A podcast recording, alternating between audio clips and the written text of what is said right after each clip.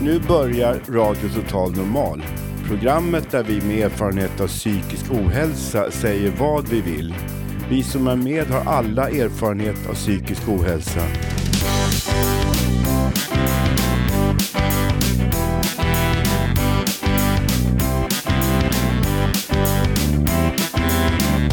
Du lyssnar på radio Total Normal. 101,1. Totalt normalt. Radio Total Normal, torsdagar från två till halv fyra. Vi livesänder med publik från Götgatan 38 i Stockholm. Kom hit och lyssna. Här är alla röster lika värda.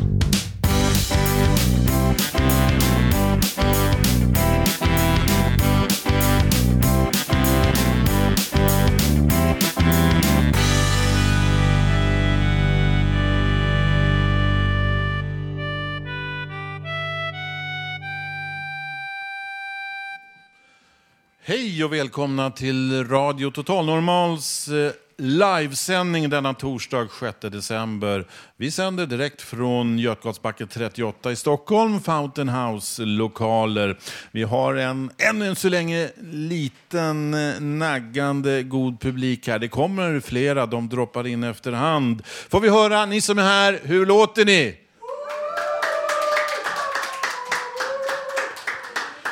Så där låter det i närradion 101,1 MHz, radio total normal. Vi ska hålla på till halv fyra. En härlig publik har vi och fler kommer och sen blir det kaffe eh, som brukligt är. Hög stämning som kommer att bli ännu högre här på Fountain House. Vi har en riktig blandning idag, en riktig julmeny kan man säga. Alla ingredienser utom saffran i stort sett eh, innehåller programmet. Musik, lyrik, reportage. Och jag som är dagens eh, programledare och ska lotsa er fram här till halv fyra heter Lars Wilhelmsson. Eh, Jag vet inte om... Tackar, tackar. Om det är vädret som har gjort att eh, det fortfarande är lite glest. Vi har fått ett sånt härligt, ja härligt inom citationstecken vinterväder över Stockholm. Hur många gillar den här snön som har fallit ner? Ja, det var mer bu. Ja, det buas en del. Mm. Vi får se då hur eh, fram till jul så finns det väl inte en snöflinga kvar. Eller också är det rena polarkylan. Vi får se. Vi ska gå ut på stan. Janne, vår flygande reporter, har varit ute och eh, frågat eh, folk. Varsågoda. Ursäkta, får jag ställa en kort fråga? Hur, eh, hur tror du att det går till på en psykiatrisk vårdavdelning? Jag har faktiskt ingen aning. Någon bild har du väl? Ja, man sitter väl och eh, pratar med en eh, psykolog om sina problem antar jag och sen så, ja. Men vad, vilken bild har du fått av psykiatrin överhuvudtaget? Ah, den är väl inte, alltså den är inte helt positiv, det kan jag inte säga. Utan eh, det finns säkert mer att göra. Alltså det känns som de eh, dämpar det mesta med eh, olika typer av läkemedel liksom. Eh, istället för att ge folk den terapin de behöver. Känner du till vilka läkemedel som finns? Vad är namnen på dem? De vanligaste då? Nej, det vill kan jag inte påstå. Vet, när vet du vilket år kom det första läkemedel så att folk kunde bli utskrivna på mentalsjukhus? Det vet jag inte. Ja, det kom 1954-55 och vet du vad det hette då? Ja, det he- Hibernal hette det. Okej. Sen kom Haldol, jag har haft alla de där. Jag har schizofreni. Jag heter Janne Holmbring. Vad vet damen hur det går till på en psykiatrisk vårdavdelning? Jag vet faktiskt inte, jag har ingen kännedom om det. Nej, men, vad vet du om psykiatri då? Inte så mycket, jag vet att det kan hjälpa människor. Va, har, du varit på, psyk- har du varit på somatisk kroppsvård någon gång? Nej, nej. Du var ganska frisk hela ditt liv då. Ja, jag tror i alla fall. Det är bra. Kan du berätta någonting hur du har gjort för att hålla dig frisk? Jag motionerar Alltså, röra på dig? Ja, absolut. Varje dag någonting? var, varje dag. Något annat då som är viktigt? Nej, det är väl att ha en familj och ha kompisar och vänner. Det förebygger eh, sjukdomar för dig då. Lycka till då. Tack, tack så mycket. Hej då, hej då. Jag frågar alltså, vad vet du hur det går till på en psykiatrisk vårdavdelning? Nej, inte det minsta. Men eh, känner du till vad psykiatri innebär? Ja, ja. Vad, vad då? då? Med, är det då? Att vara psykiskt sjuk är det väl? Att man... Ja, men är, är du frisk? Jag är frisk. Men vad vet du om psykisk sjukdom överhuvudtaget? Ja, det är väl någon slags störning i... En rubbning i hjärnan. Vad vet du om, om hur det går till på en psykiatrisk vårdavdelning? Ingen aning. Vi vet ingenting om psykiatri. Vet du vad psykiatri är? Ja, knappt. Ja, och, och nu hinner jag inte. Nej, tack så jättemycket för Ja. svaret. Tack, Tack Hej du hej. Hur det går till? Ja. Jag har inte så jättebra koll på hur det går till. Man träffar en psykolog. Ja, Det är inte säkert man gör det, kan bara säga. Och du då, vet du någonting? Nej, jag har faktiskt inte. vad är det för bild av psykiatrin då?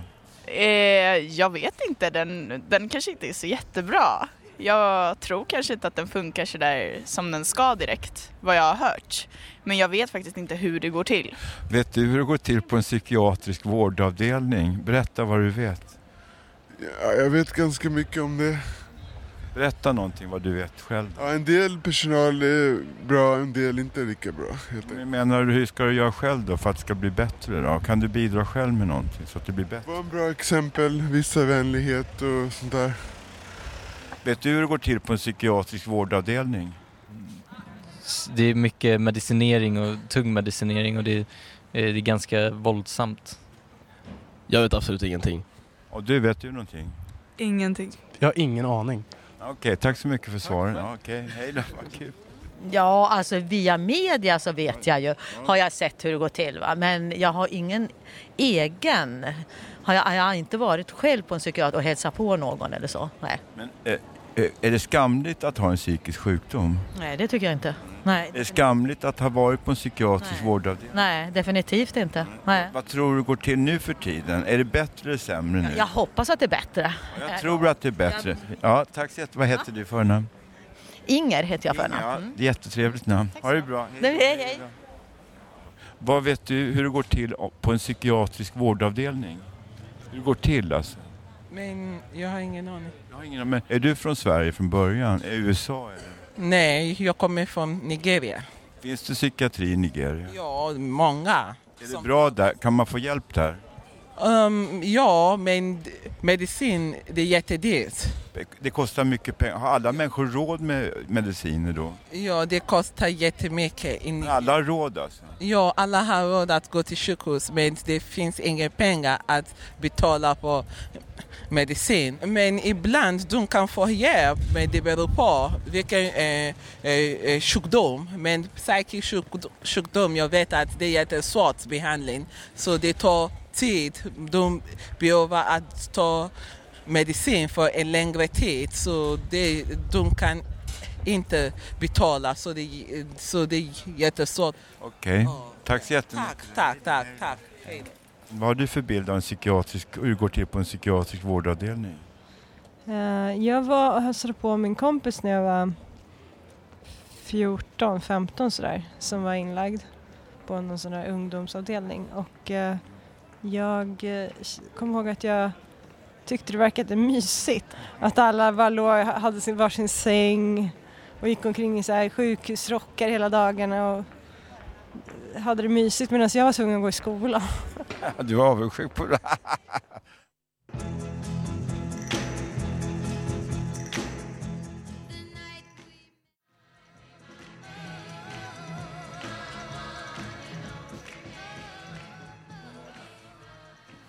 Ronettes var det där i Radio Total Normal. Be My Baby, en riktig stänkare från 1963. Annars var det rätt. Eh, ja, det hade varit kul att ha haft The Ronettes live här, men istället så har vi Tommy på gitarr. Välkommen. Vad får vi höra? Jo, det är en vals jag ska spela. Det är så att Fredrik Chopin, han föddes i Polen i början på 1800-talet. Sen flyttade han så småningom till Frankrike där han också dog. Så småningom. Alltså. Ja, det står att han är från Polen i alla fall. Bra. Ja, han har skrivit massa pianostycken, mazurker och ballader och sonater och etyder och även eh, pianosonater då, och nocturner. Och även valser då som jag ska spela igen. Och det är opus 69 nummer 2 i B-moll. Men jag har flyttat över den i A-moll för det blir lättare på gitarren.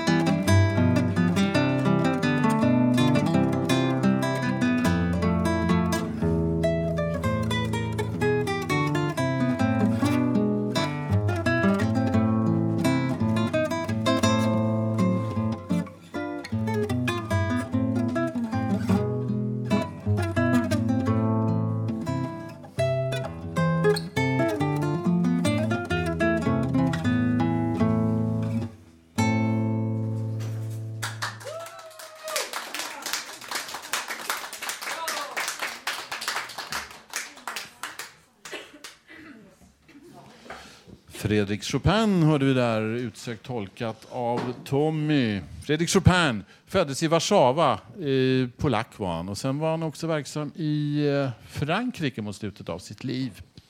Levde ihop med en dam som heter George Sands, om jag inte missminner mig. Vi vet alla vad Chopin etyder för oss. Du ska lämna över ordet till eh, Tobbe. Varsågod. Tjena Lasse, tänk vad du kan det där om den här gubben. Ja, hejsan, här är jag, Tobias Torvid här igen med ett, eh, nytt spännande reportage, hoppas jag. Jag har nämligen intervjuat en man som heter Peter Englund och han är med i dragshowgruppen Diamond Dogs. Och jag pratade med honom, man kan ju tro när man ser honom, för er som vet vem han är, ni kan googla honom sen. Han är ju väldigt mycket glitter och glamour och väldigt glad och väldigt så här framåt. Lite som jag själv, tycker jag, hoppas jag. Men det man inte tror och det man inte vet är att han också har erfarenhet personligen av psykisk ohälsa. Och det är lite det jag vill spela upp för er nu här i radio. Så att eh, med det sagt så kollar jag på Gustav här och säger eh, rulla bandet. Ja, här är Tobias Torvidén. Jag befinner mig nu i ett rum högt upp i Oscarsteatern. Och mitt emot mig sitter en härligt fantastiskt sminkad eh, Peter Englund. Hejsan! Hej. Kan du berätta, varför befinner vi oss här idag? Därför att jag jobbar på en föreställning på Oscarsteatern som heter La Cage aux Folles. Jaha, vill du berätta lite om den föreställningen? Vad är det för någonting?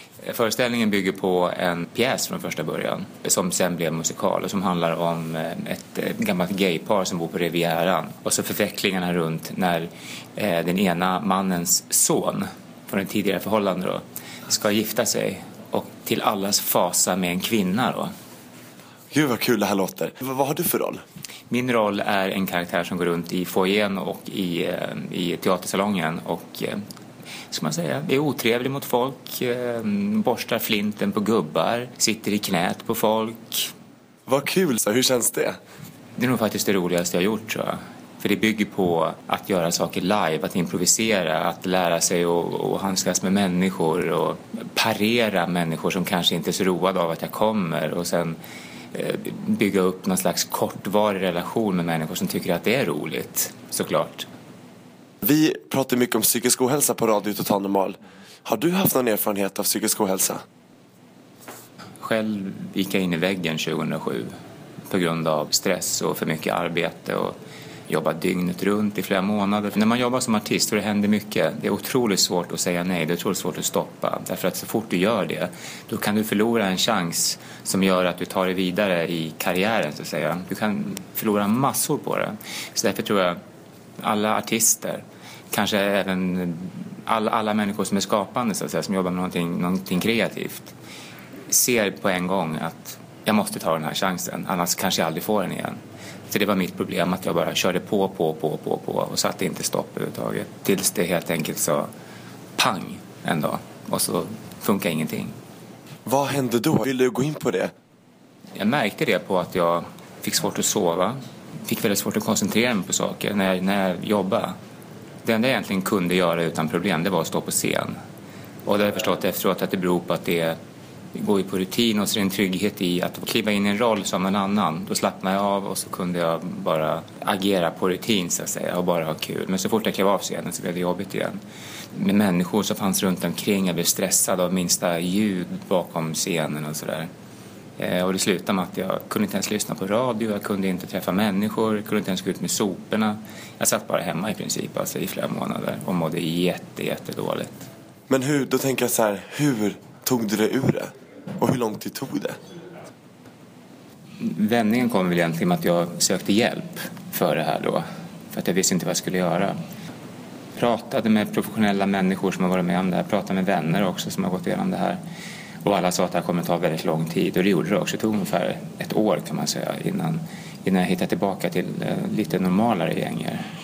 Men det var fortfarande väldigt jobbigt. Bara gå på stan eller träffa folk jätteångest inför möten med människor, framförallt när det gällde jobbet. Det var väldigt tydligt att det var jobbet som var problemet. Prestationsångest och en massa sådana saker. Så, så fort jag skulle träffa någon och diskutera jobb så mådde jag jättedåligt. För att kraven blev för höga på en gång på något sätt. Och hur jag tog mig ur det, det, det växte bort tror jag, allt eftersom. Som sagt, det tog ungefär ett år innan jag kunde bete mig någorlunda normalt i, i sociala sammanhang. Plus att jag mådde så dåligt eh, fysiskt också. För min mage slutade fungera. Eh, Jag kunde inte äta. Det stod stilla. Tarmarna stannade helt enkelt, kan man säga. Så att, eh, det var massa problem där också med, med hälsan. Fysiskt alltså, blev jätteproblem. Så det hängde ihop där. För så fort jag började må bättre så blev magen bättre också. Så tog du några läkemedel för det här samtidigt? Jag var tvungen att operera min mage faktiskt till slut därför att eh, jag fick inflammationer i, i tarmarna. Och det är stressrelaterat då förmodligen. Så att det ledde till att jag var tvungen att operera mig för att det skulle bli bättre. Så att eh, det gick hand i hand lite. Oj, men hur var, hur var det sen då efter ett år att komma tillbaka? Det var jättesvårt. Därför att jag hade ju fortfarande sociala fobier på ett lite mildare sätt än vad jag hade från början när det var som värst. Så jag minns när vi gick på den första grejen. Releaseparty var det för Alcazars nya skiva som kom. Det var 2009. Var det första vi gjorde. Det var riktigt, riktigt jobbigt. Och jag ser det på bilderna också att jag ser inte glad ut. Stelt leende på de bilderna. Wow, vilken pers. Och hur långt det tog det efteråt tills du kände att nu, nu är du tillbaka, nu var precis som förr? Jag tror inte att det blir som förr någonsin. Just nu jobbar jag otroligt hårt, men jag har lärt mig någonstans att inte släppa in det för nära på något vis. Jag håller en gräns. Jag kan inte förklara det riktigt. Jag vet ungefär var gränsen går om man säger så. För att minimera risken för återfall? Ja, säga. precis. För jag märker tendenserna här med sömnlösheten och eh, sociala fobierna kommer tillbaka och även eh, får väldigt kort stubin, humör, humörsvängningar och så vidare. Inte särskilt rolig när jag är stressad. Det låter som att det är ganska vanligt ändå i kreativa yrken att man är lite, det kan vara lite dramatiskt ibland. Ja, jag tror att man som, som konstnärssjäl, det ligger väldigt nära till hands. Man, man är ju uttrycksfull och man är kreativ så att säga och då är det lätt att, att trilla dit på den där, på den där grejen. Mm, det kan alla relatera till, jag också. Jag tror de som känner mig här, jag tror att de vet att jag är likadan. Några sista ord Peter Englund, jag vet att du snart ska, ska vidare till nästa show här på Oscarsteatern. Ja, jag tror att glitter och glamour är jätteviktigt men däremot så, som jag försöker leva efter, efter att jag gick in i väggen 2007, det är att försöka tänka positivt. Det låter som en klyscha men det, men det är faktiskt sant att försöka, jag sa till en kompis senast häromdagen att dålig, dålig karma, människor med dålig karma, ta bort dem ur ditt liv, människor som inte får dig att må bra. Du kan inte ha dem kvar därför att livet är så kort. Du kan inte gå runt och vara samvete eller, eller bollplank hela tiden för människor som, som utstrålar dålig energi. Man ska hjälpa människor såklart, men man måste sätta gränser också för att man själv ska ha en chans att kunna må bra och, eh, och, och kunna utvecklas i en positiv riktning. Jag tycker inte det är egoistiskt, jag tycker det är bara ren eh, självbevarelsedrift på något vis. Är det någonting som tynger, är det någonting som är jobbigt, försök klara av det då i så fall. Knyt ihop säcken och släng iväg den i så fall och så börjar du på nytt med någonting annat. Så gör jag hela tiden. Omedvetet nu för att jag har intalat mig själv att jag ska göra så. Jättebra sagt Peter alltså. Jag får tacka dig jättemycket för att du tog dig tid. Positiv energi har det varit genom hela intervjun. Bra. Fantastiskt. Tack. Så att, ja, tusen tack. Nu kramas vi här på on camera. Det var jättebra. Sådär, tusen tack. Tack, tack.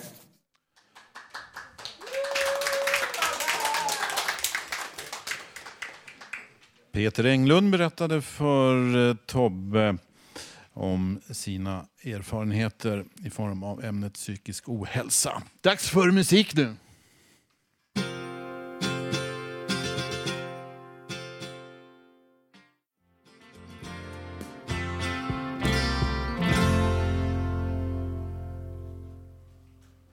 Ah, det var nostalgi det. Eh, jag fick låna en näsduk här av en i publiken. Här får du tillbaka. Tack. Ted Gärdestad, jag vill ha en egen måne. 1972 och på den tiden visste man ju inte vad det egentligen betydde det där med egen måne. Men sen när man blev äldre så fattar man ju vad det betyder. Jag gjorde en gest åt mitt huvud där som är lite månliknande på ett visst område. Och nu när många är ute och äter julbord och när de ska ha snaps till så kan man ju sjunga Jag vill ha en egen Skåne. Det om detta. Nu står Robert beredd att eh, läsa något. Varsågod. Ja, jag var ute och sprang här på stan. De trodde väl nästan att jag var försvunnen, men jag kom tillbaka. Det brukar jag göra. Men det är Radio Total Normal, det är torsdag och det är fruktansvärt mycket snö här ute. Om ni bor någon annanstans än Stockholm kan ni se på min sajt hur det såg ut här igår. Om ni orkar leta. Men det här är ett år i Sverige. Årstiderna, ett år. Visst, en vårdag sprittande, smekande, skir. Bara underbar, Är bara underbar. Vårt land står i sin finaste skrud. Vacker, förförande, fantastisk. Den är bara helt enkelt vadå? Du gillar läget. Visst, du gillar läget hela dagen. Bara fantastiskt helt enkelt. Du ser en vitsippa i backen. Du luktar på en tussilago. Fantastiskt. Visst är det fantastiskt. Du är sju år. Du plockar blommor till din mor. Det har nog människor gjort i miljontals år. En bukett med alla blommor utom blåsippa. Och kanske liljekonvalj. För den är ju fridlyst. Ändå bara fantastiskt. Visst, en vårdag.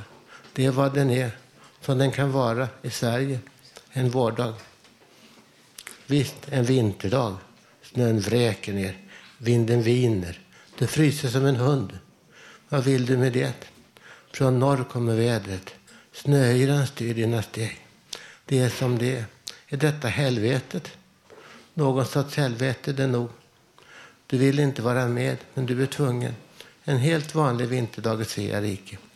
Näsan rinner, fingrarna är stela. Då säger man? Dra åt helvete vinter, vill man säga. Klockan är halv tre på eftermiddagen. Redan är det beckmörkt, kallt, blåsigt. Förjävligt helt enkelt.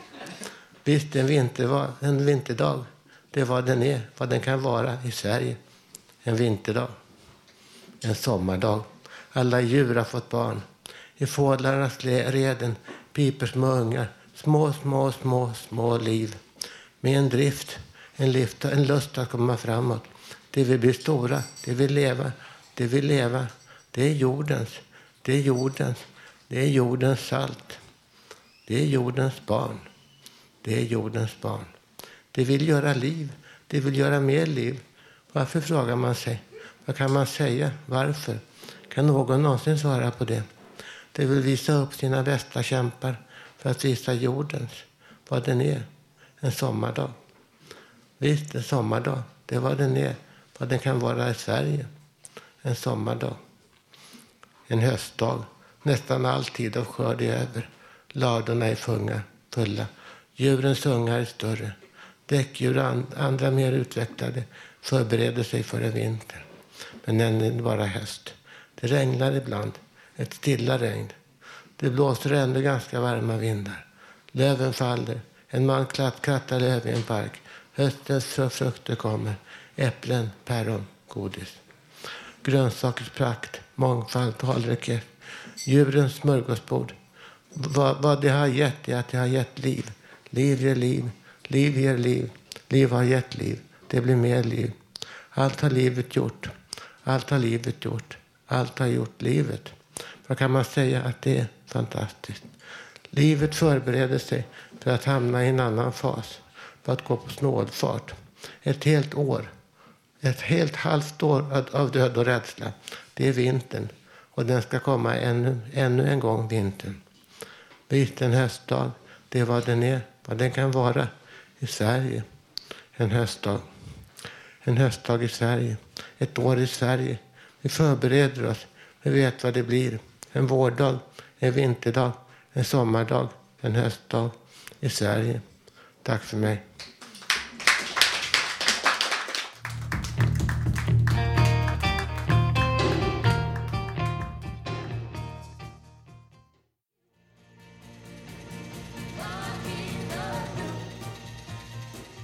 Jackie DiCiano, en, annan- en annan gammal 60-talshöjdare. When you walk in the room. En annan Jackie här. Maria är nu beredd att eh, läsa några texter. Hon ska bara hämta sina glasögon. Du vet att Maria inte är 20 år, men eh, ser ung och eh, är nu beredd att läsa. Varsågod. Mm. Tack, Lasse. Jag är 53. tack, tack. Nu ska jag läsa en liten finstämd dikt, eller inte dikt, en text rättare, som jag har skrivit på skrivargruppen. Jag ska prata nära mikrofonen. Går det bra, Emma? Hmm.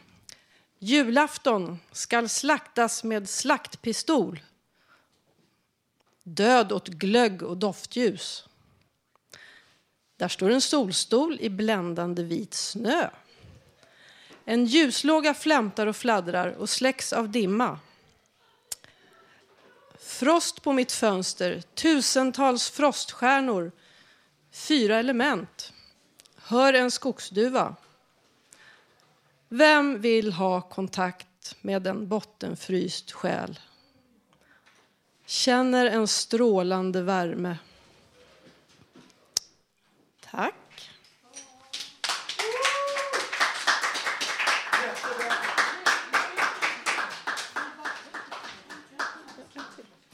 jag har en dikt eller text till då. Då. då, då. Och vad tog den vägen? Hoppsan sa. Här ska vi se. Snart, ett ögonblick. Eh, nu kommer den. Damen på parkbänken verkar helt slut. Det ser skönt ut. Önskar jag kunde somna så på en parkbänk. Helt trygg och avslappnad. Vad bryr jag mig om vad som händer runt mig? Världen kan gå under om den vill. Om jag vill? Nej, bättre att vakna upp till en ny skön värld där alla bryr sig om varandra, är snälla med varandra och ser varandra. Hon ser lite löjlig ut ändå, men jag beundrar hennes hängivenhet åt sig själv. Så vill jag också hänge mig, göra vad som faller mig in, lyssna till kroppen och själen, bry mig om mig.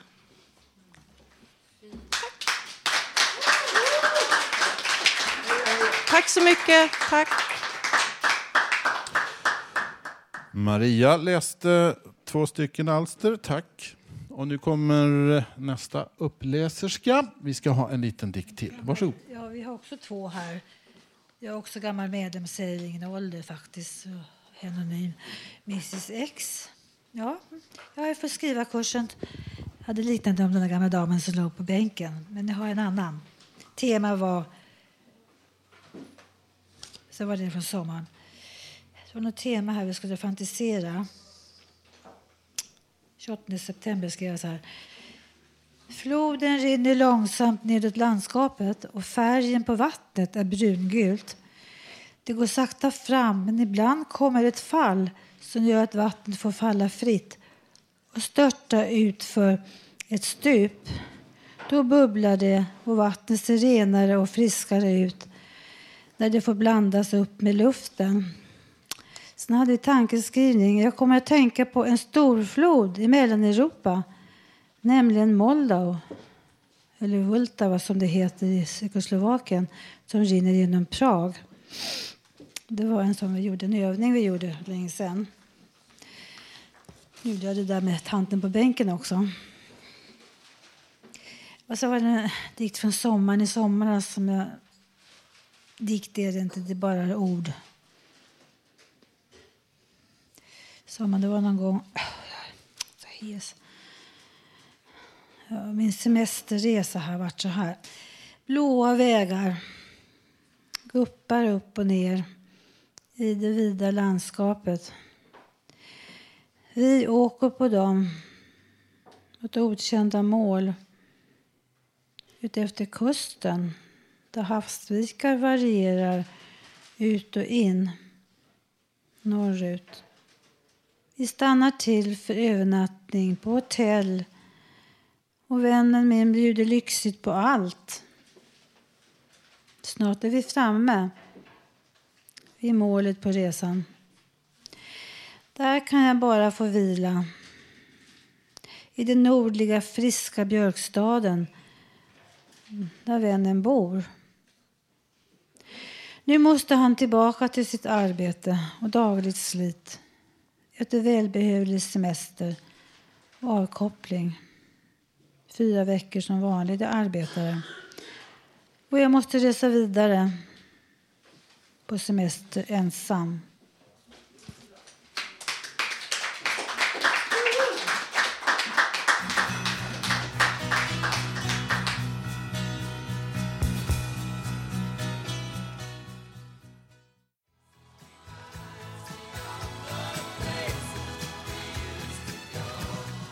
Radio Total Normal, 101,1 MHz är frekvensen. Har ni en eget, ett eget radioprogram där nere i hörnan eller? Här sänder vi live från Götgatsbacken eh, 38. Vi har lite fika på gång nu, det är därför kanske lite rörigt och stimmigt här. Ni som är på Götgatsbacken, eh, stig in på Götgatsbacken 38. Tryck på knappen så är det någon som svarar Fountain House och sen eh, får ni bli inlotsade där. Får ni fika också. Vi kör till halv fyra. Det här var Photograph vi hörde nu med Ringo Starr och även George Harrison.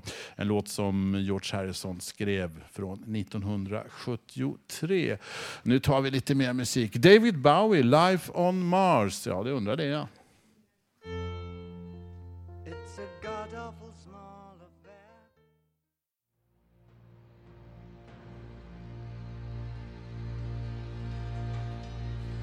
David Bowie i Radio Total Normal Life on Mars. Fast vi har december just nu och ett väldigt snöande. Ingen har väl undgått vad som hände igår. Hade ni problem i trafiken, ni som åker pendeltåg eller tunnelbana? Ja. ja. Mm. Eh, det är kung Bore som behagar snödriva med oss. Nu över till något helt annat. Var tredje klarar inte gymnasiet. Vi hör en diskussion här mellan Alice, Erik och Rickard om hur det egentligen kan komma sig. Om hur det var när de själva gick i skolan. Jag älskar skolan. Jag är skitduktig i skolan fast inte så länge bara. Jag bränner ut mig själv och så får jag inte gå kvar. Du blir stressad av det? Ja, precis. Ehm, Och så sagt, var elva skolor. Hur långt kom du då? Ehm, Jag har ett betyg i gymnasiet. Vilken då? Psykologi. Det har varit sådär, jag har fått gå... Jag har börjat och så tycker jag att det är skitkul och så får jag högsta, högsta, högsta betyg på allting och jobbar in allting skitsnabbt. Och så håller det i tre månader och sen är jag utbränd och så säger läkarna nej, du får inte gå i skolan, vi sjukskriver dig. Så jag kommer liksom aldrig Hmm. vidare. Har du fått något tips hur du ska hantera det? Eh, mamma har ju satt upp den konstiga regeln att hon har satt allt över godkänt är förbjudet. Eh, För att om du satsar på mer än godkänt så blir du utbränd. precis. För att jag satsar på över MVG på alla ämnen. Eh, men det går inte så bra, den regeln. Jag struntar i den.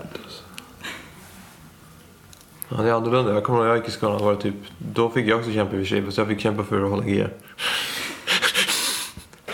jag fick kämpa för det. Det var, det var i och för sig ganska svårt. Jag gick ju natur på en friskola.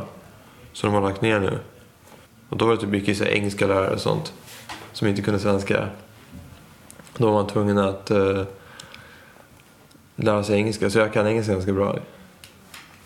Men de andra Ja, särskilt särskilt nat- naturlinjen måste det vara knepigt. Typ fysik B på engelska kan Ja, inte vara sådär ja, jätte... jag var jätte- svensk. Men matte var på engelska.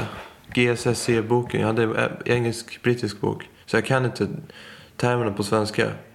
Jag har i glömt dem ändå, men...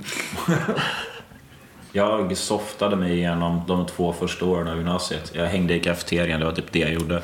Sen på si- sista året insåg jag världens allvar och eh, tokpluggade sönder mig i ett år. Och eh, gick ut med bra betyg.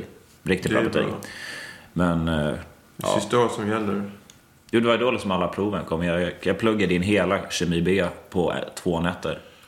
Skrev prov på det, fick skit. Alltså jag, hade, jag, hade, liksom, jag hade fått underkänt på varenda prov i hela kursen. Och så, så gör jag slutprovet med MVG. Och lärarinnan bara, alltså, du måste ju ha fuskat. Det, det är omöjligt. Jag bara, nej men alltså jag pluggade hela natten. Och hon bara, nej jag tror inte på det. Så jag var tvungen att göra ett muntligt prov. Och så satte jag det perfekt också. Hon bara skakade på på huvudet förstod inte hur man Ja, kunde ha så dålig prioritering liksom. Körde du Red Bull då eller? Nej, kaffe. Ah. Två liter kaffe, tror jag. Två liter. Så jag var ju inte mig själv i ett par dagar efter ja, det där. Shit, är det så? Alltså. Det ska Sen så vara glömde jag ju allting efter två veckor. Liksom. Men Var det så? När man pluggar in någonting så, så intensivt så sätter det sig inte så bra. Men... Jag hade en eh, lärare där jag kom... Eh, jag trodde att jag skulle köra redovisningen nästa lektion, fast det var den här lektionen. Eh, och eh, till jag hörde att jag hade blivit inlagd på sjukhus.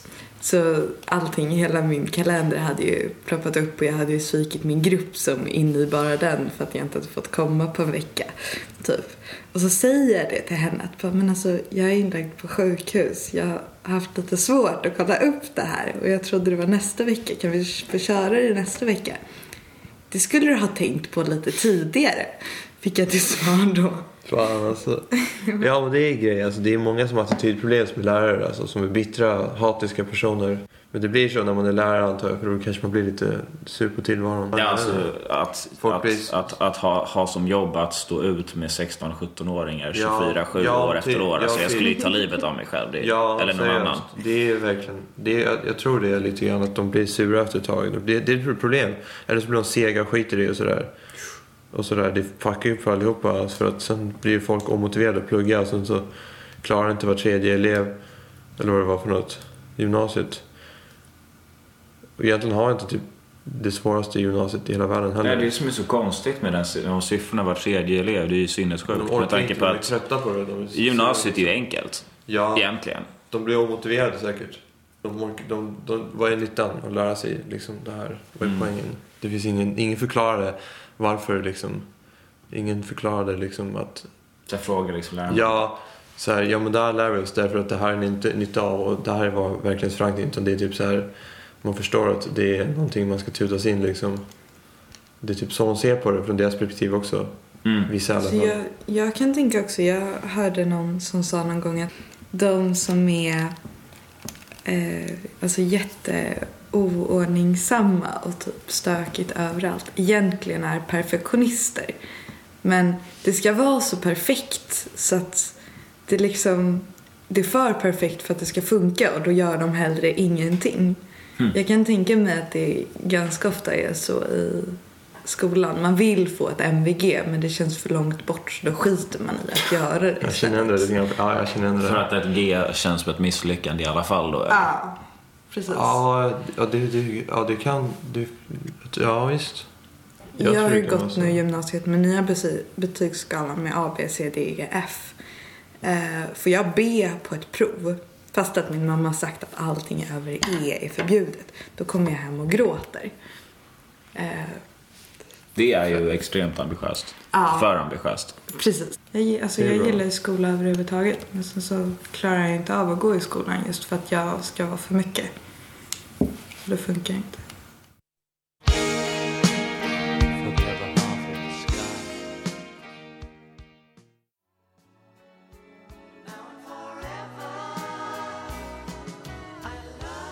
Woman där med John Lennon, låt från 1980 och på lördag så är det 32 år sedan Eh, John Lennon mycket tragiskt gick bort.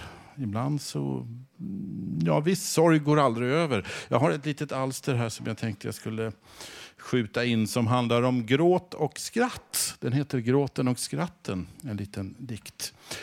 Skillnaden mellan gråten och skratten märks mest under den mörka natten. I vargtimmen man sällan får skratta. Då är gråten lättare att fatta. Men annars är skillnaden inte så stor, ty gråten och skratten är som syster och bror.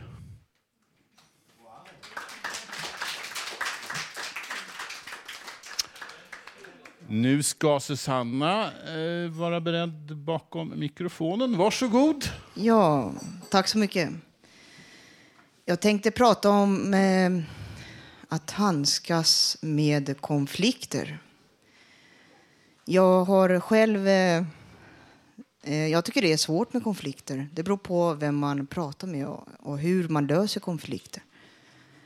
När jag var yngre så slutade jag på vissa arbetsplatser för att det var liksom för jobbigt. Så att... Eh, men konflikter det möts man av varje dag, även på jobbet och bland kompisar, sin partner, överallt. Det, man kan eh, tackla det på olika sätt. Men jag gick till bibblan och lånade en bok om eh, socialpsykiatri. Det är för vårdpersonal. Och, men det behövs ingen vårdpersonal för att liksom, eh, förklara om konflikter. Sådär. Det är nog också så att vårdpersonalen har de mest konflikter, kanske, på olika sätt. Eh, ordet konflikt är alltså där två personer är oeniga. Många upplever ordet alltför starkt. Eh, många säger hellre meningsskiljaktighet eller oenighet. Att hamna i konflikter är mänskligt. Det kan vara destruktiva men också utvecklande när människor kan hantera och lösa dem. Många är dock mycket rädda för att utsätta sig för konflikter, undviker dem till varje pris. Konflikter förekommer i en liten skala men nog så besvärliga mellan två människor som har nära kontakt med varandra. I familjer, på arbetsplatser, mellan vänner. Eh, det kan leda till stor, starka känsloutbrott, känslosvängningar. Expressed emotions. Det är en term i sjukvårdstermer om vi ska prata om det. Det vet jag inte om det är så väsentligt egentligen. Eh, det är viktigt att träna just konflikthantering så att man i sådana situationer kan handskas med sin ilska och behandla den andre som med respekt även om han beter sig som ett trotsigt barn eller tonåring. Om man i en konflikt kränker varann allt för djupt är det goda förhållandet sedan svårt att reparera.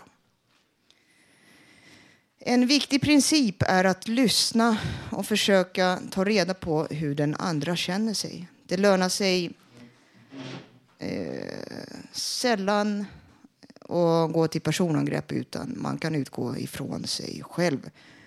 Det fick jag själv lära mig som patient i psykiatrin 16 år sedan. När jag eh, blev patient i eh, allmän psyk så var vi pratade just om konflikter och då var det en kvinna som sa att man kan utgå ifrån sig själv. Så här tycker jag, liksom, istället för att gå till angrepp. Så att eh, så är det. Ehm, i de flesta konflikter är det viktigt för båda parter att känna att de inte har förlorat. Det handlar om vars och ens självkänsla. De flesta av oss har någon gång tagit till hot om vad som händer eller inte händer om inte personen gör på det sätt som vi anser. I fråga om barn måste vi ibland gå emot deras önskan eftersom det kan vara direkt farligt. När det gäller människor med psykisk funktionshinder, funktionsnedsättning är rätta termen, det står fel här i boken. Eh, kan det till exempel röra sig om medicinering eller att sköta hygienen? Det, kan, det är då av stor vikt att de konsekvenser vi visar på är realistiska och inte endast tecken på vår maktlöshet. Eh, så att eh, det var detta som jag tänkte tala om. Det är någonting jag eh, handskas med varje dag, konflikter. Och det, det kan också stärka en. Det kan stärka mig som person har jag märkt. Man utvecklas också beroende på vem man har att göra med och var gränsen går. Som sagt, det är viktigt. Tack för mig.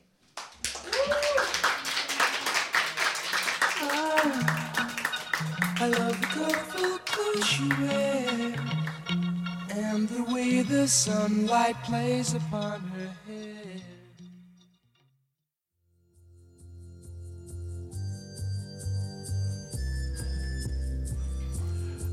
Där tonar den ut den härliga Good Vibrations med The Beach Boys. Ytterligare en 60-tals eh, stänkare.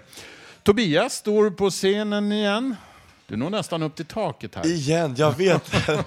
Tack så mycket Lasse. Hejsan Tobias Torvid här igen. Man får egentligen bara vara med en gång i programmet vad jag vet, men jag har lyckats flörta mig till en liten ex, ett litet extra nummer. Och det är för att jag har lyckats få med mig ett lite celebert besök här. Och ni, vi på Radio Total Normal känner igen henne som eh, tjejen som har gjort min jingel till mina reportage som jag brukar göra, Tobias. Den är så fin. Här har vi alltså eh, låtskrivaren, kompositören, artisten, mamman, faghaggen, globetrotten, allt möjligt. Alex Hummingson. En stor applåd. Välkommen Alex. En kram Tusen på det. tack. En Kram. I radio. Hur Kram gick det att ta sig hit Alex? Ja, ingen skottar i orten. Nej precis. Det- Ingen, snö, ingen skyfflar i orten så att det, det- var mycket snö. Det är inte så högprioriterat, så att då får man klara sig bäst man vill.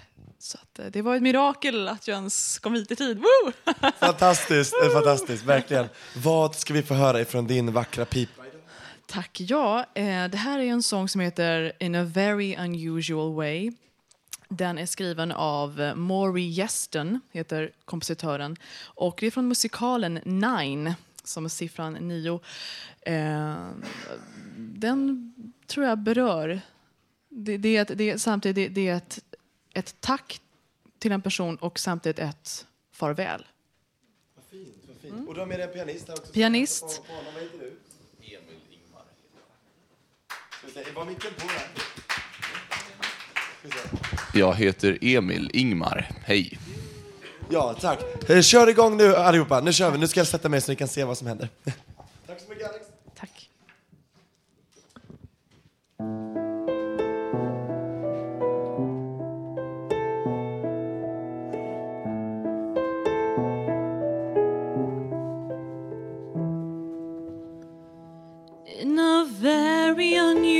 Unusual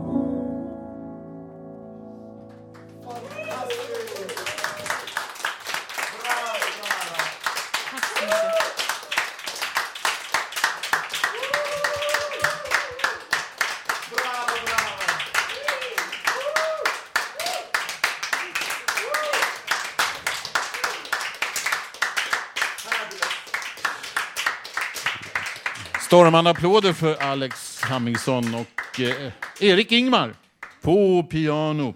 Nu ska vi få höra lite förslag på vad som kan... Jag har fått en handskriven på här av producenten. Eh, Vad vad, man ska tänka på när man går på möte. just det, vad man ska tänka på när man går på möte. Här kommer en lista över 20 saker som man kan tänka på om man ska på ett möte som man kanske är lite nervös inför. Tänk på att du ska komma i tid. Om du blivit ombedd att presentera någonting, ha med dig föremålet. Kom inte om du är sjuk. När du kliver in på mötet och om du kanske känner dig lite nervös trots att du känner igen alla så prova att skaka av dig det värsta med en hälsning. God morgon! Var inte orolig över dina kläder. Att du har dem på är jämt att föredra. Om det ringer till dig under mötet så ursäkta dig inte utan var jättesnabb och spring ut och svara. Ha din mobil avstängd innan du kliver in på mötet som är bokat för att visa hänsyn till de andra deltagarna så glöm tidigare punkt alltså.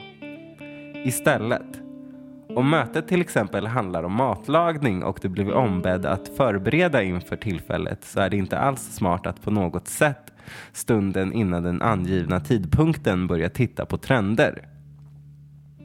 Är det ett läkarmöte du ska på så är det jättebra att vara i god tid. Kan liksom, tänker jag, till och från jämt vara så att personen före har exakt som jag alla sjukdomar men kan till skillnad från mig tala för sig och det tar en tid att diskutera olika sätt att ta läkemedel, förklara hur symptomen hänger ihop med verkan, kanske hur man förebygger problemet i framtiden, undvikas och att föredra.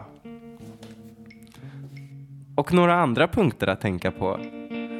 Om du går ut på, låt säga krogen eller är ute och äter med en kompis dagen innan mötet, så dra inte ut på det. Är det någon attraktion i luften så gör det som är gemensamt planerat och säg det som ska sägas. Om du är i ett annat land och ska till ett möte, avväg avståndet.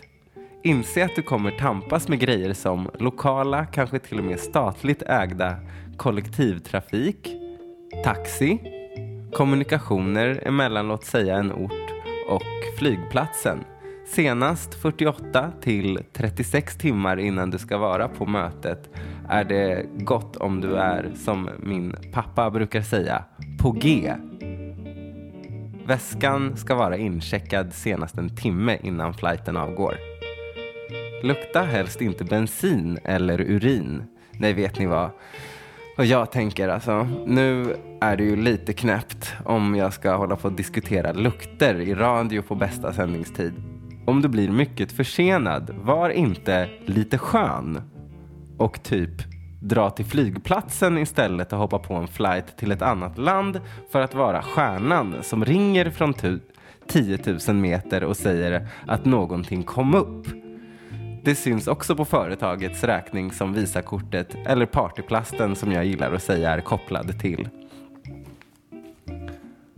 Vet varför du är på mötet. Vad du vill se i slutändan av en process.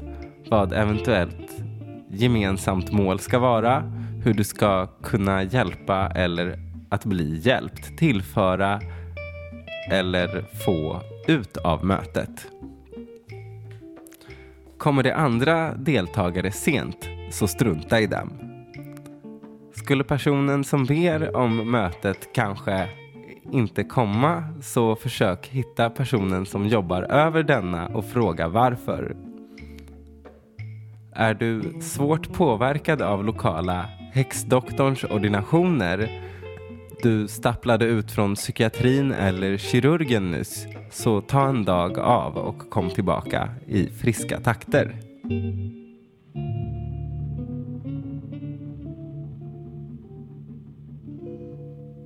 Där hörde vi Gabriel i Radio Total Normal denna torsdag den 6 december, som också är Finlands självständighetsdag. Har vi några med finska rötter här? Ja, får vi lite jubel för Finland.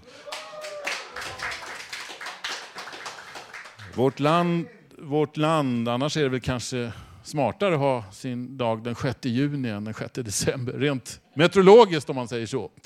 Men så gör de i Finland. Nu är Håkan beredd, varsågod. Vad blir det för mat? Radio Total Normals egen radiokock Håkan Eriksson delar med sig av ett mycket smarrigt mattips. Mums filibabba. Mm. Det är gott. Eh, lite, lite mer salt. Ja, det, det smakar lite citron. Mm, vad gott. Dagens kort på Radio Total Normal.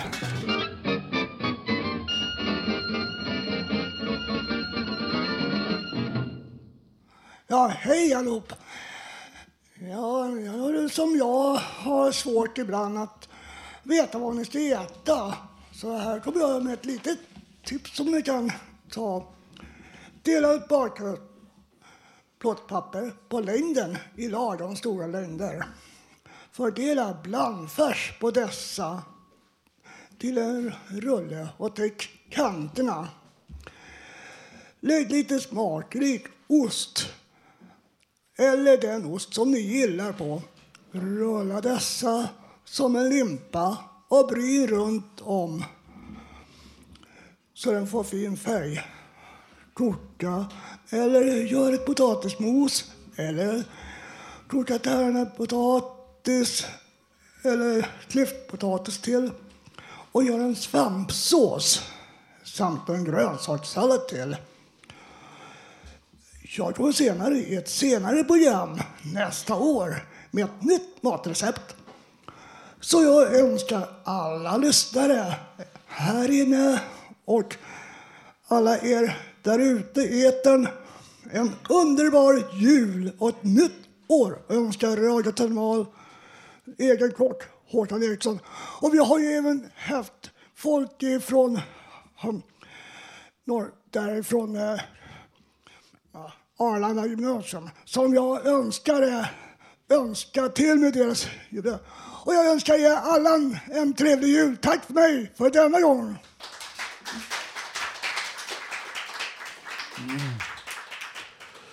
Tackar Håkan för det. Och när vi ändå är inne på ämnet mat så ska vi nu få lite tankar från en matvarubutik. Provsmakning. Min shoppingrunda utan att handla. Ingenting dög. Kläderna sög. Under tiden min man och son storhandla. Jag var snurrig och hungrig från alla intrycken och satte mig att vänta i bilen och tog fram nyckeln. Till slut kom min familj tillbaka och de sa Gissa vad vi fick smaka. Jag gjorde också en runda, åt och blunda. Russinbröd, aprikosbröd, vinerbröd, chips, pizzaslice. Apelsinjuice, apelsinklyfta, cocktailtomat, glass pikannöt Hem och dricka kaffe, det var nice och jag njöt. Vi tackar Karin Jo för det som eh, hade sin lilla reflektion om matvarubutiker. Nu är det dags för Ulf att läsa. Varsågod. April var. Idag är fredag. Igår torsdag. Jag bor i Hammarbyhöjden. Kanske morgon tors första, första december vinter. Gud, var sommar. Sol sken flera gånger. Natten mörk, mörk kväll. Månen lyser, stjärnor blinkar. Midsommar var juni. Nu är november, april, maj var. Jag är 59, förra månaden var oktober. Nu 2012. Påsk var april. Men nästa år, 2013, Min blåser. Tisdag, tid var vinter, månaden gissa. Förut var 2011. Och det är fredag 13 november.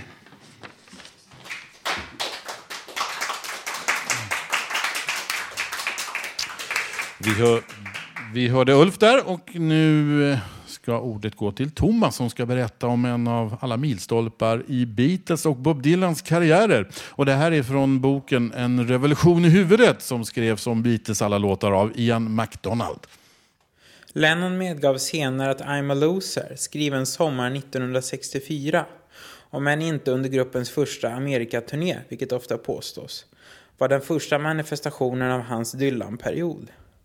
Bob Dylan var den enda som kunde mäta sig med Beatles i fråga om inflytande på populärkulturen efter 1945 men hade ännu inte gjort sig fri från mediernas etikett som protestsångare.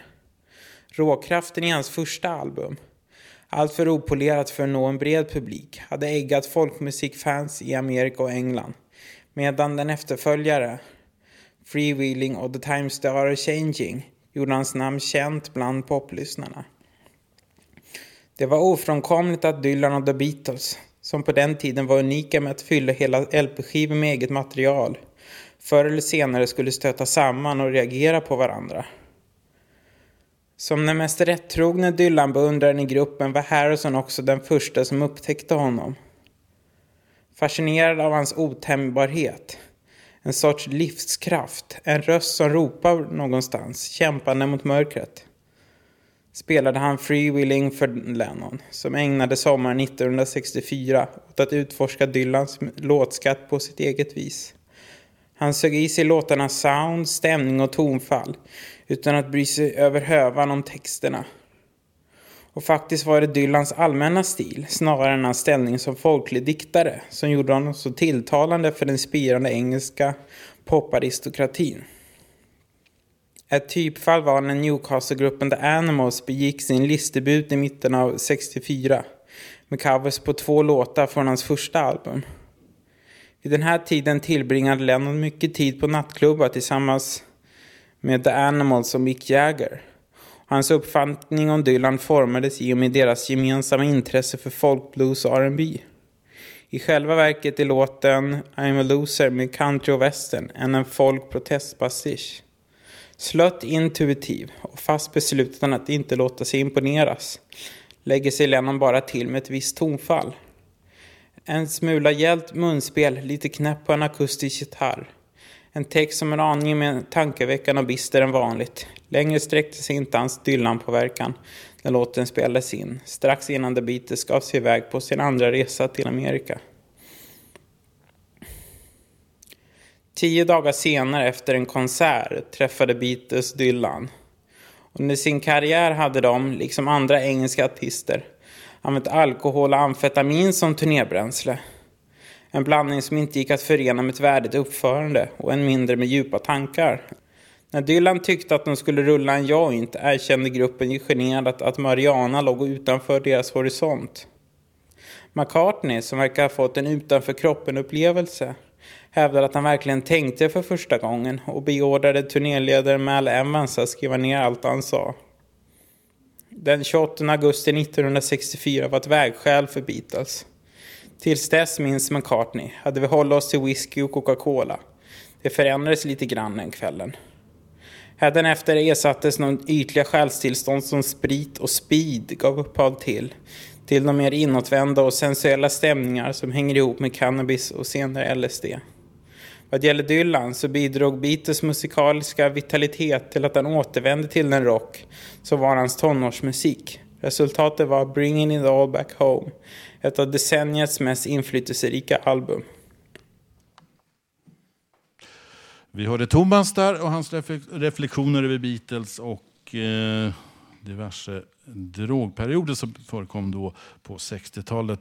Allt jag kan säga att eh, Råsundas gräs kanske är lite nyttigare. Nyttigare att ta med sig hem.